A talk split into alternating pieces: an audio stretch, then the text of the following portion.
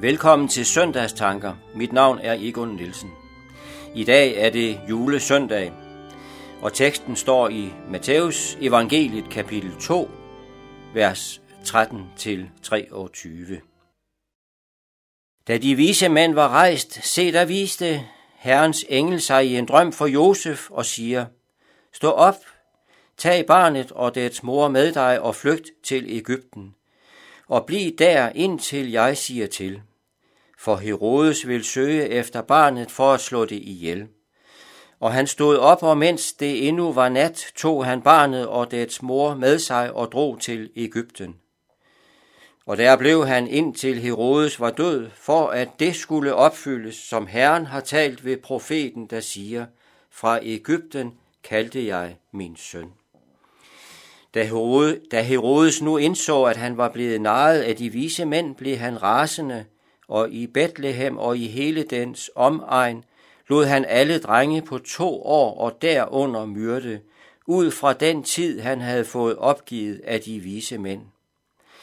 Der opfyldtes det, som var talt ved profeten Jeremias, der siger, I Rama hørtes råb, gråd om egen klage, Rakel græd over sine børn, hun vil ikke lade sig trøste, for de er ikke mere.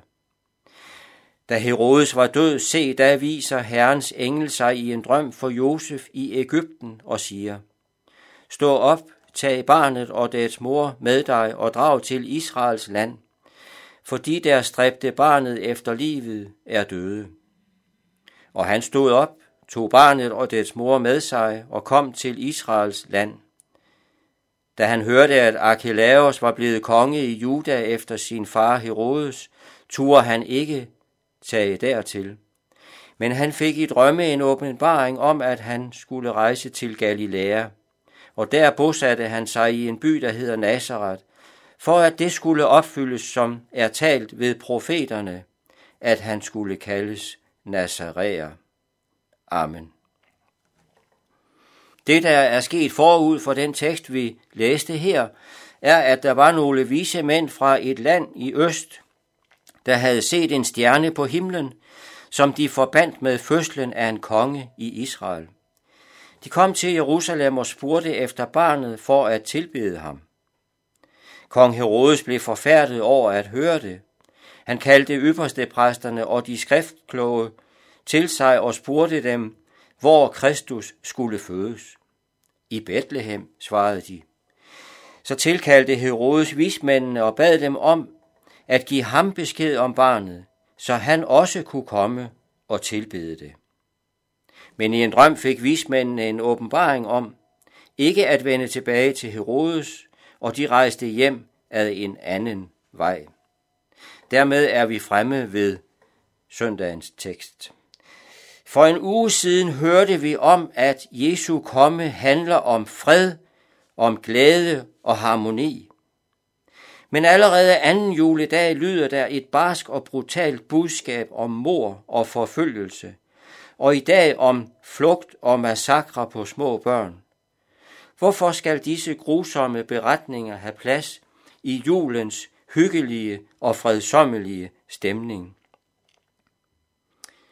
Det skal de, fordi det lige præcis er den virkelighed, vi lever midt i her i verden.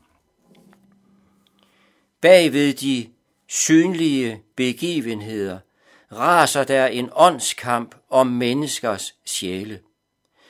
Guds søn, Jesus, blev menneske for at åbne vejen tilbage til Gud ved sit liv, sin død og opstandelse.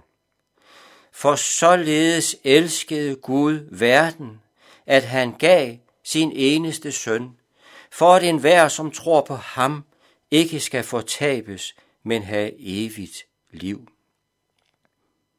Det hader djævlen. Han prøver af al magt at få Jesus af vejen, og bagved Herodes' listige plan var det djævlen, der arbejdede.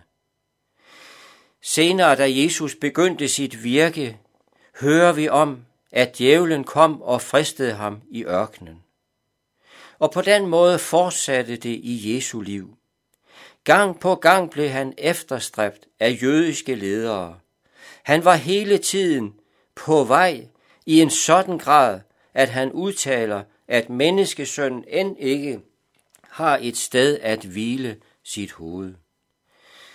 Det var fornedrelsens vej, Kristus vandrede. Han gav afkald, han tog tjenerskikkelse på og blev lydig til døden for at frelse os. Målet for Jesu vandring var kors, død og opstandelse i Jerusalem, hvor frelsen blev vundet for alle mennesker. Djævelens formål var at ødelægge Guds frelsesplan, men det lykkedes ikke. Frelsen er fuldbragt og færdig, og enhver kan få del i den ved troen på Jesus. Som noget af det første, Jesus oplevede, var det at være flygtning. Af forskellige årsager er der mange flygtninge også i dag. Også mange, der må flygte for at bevare livet, på grund af, at de er kommet til tro på Jesus som deres frelser. I flere lande er der dødsstraf for at konvertere til den kristne tro. Jesus har ikke lovet os, at vi skal slippe for modgang og forfølgelse. Tværtimod har han sagt, at den, der følger ham, må regne med de samme vilkår i livet, som han levede under. Jesus er blevet fristet og prøvet i alle ting, uden at fejle og uden at synde i noget. Derfor kan han komme dem til hjælp, som fristes og prøves. Komme os til hjælp i enhver nød. Ham må vi tage vores tilflugt til i enhver situation, for han kender vores skrøbeligheder, og han har medfølelse med os. Han venter på dig. Glædeligt nytår.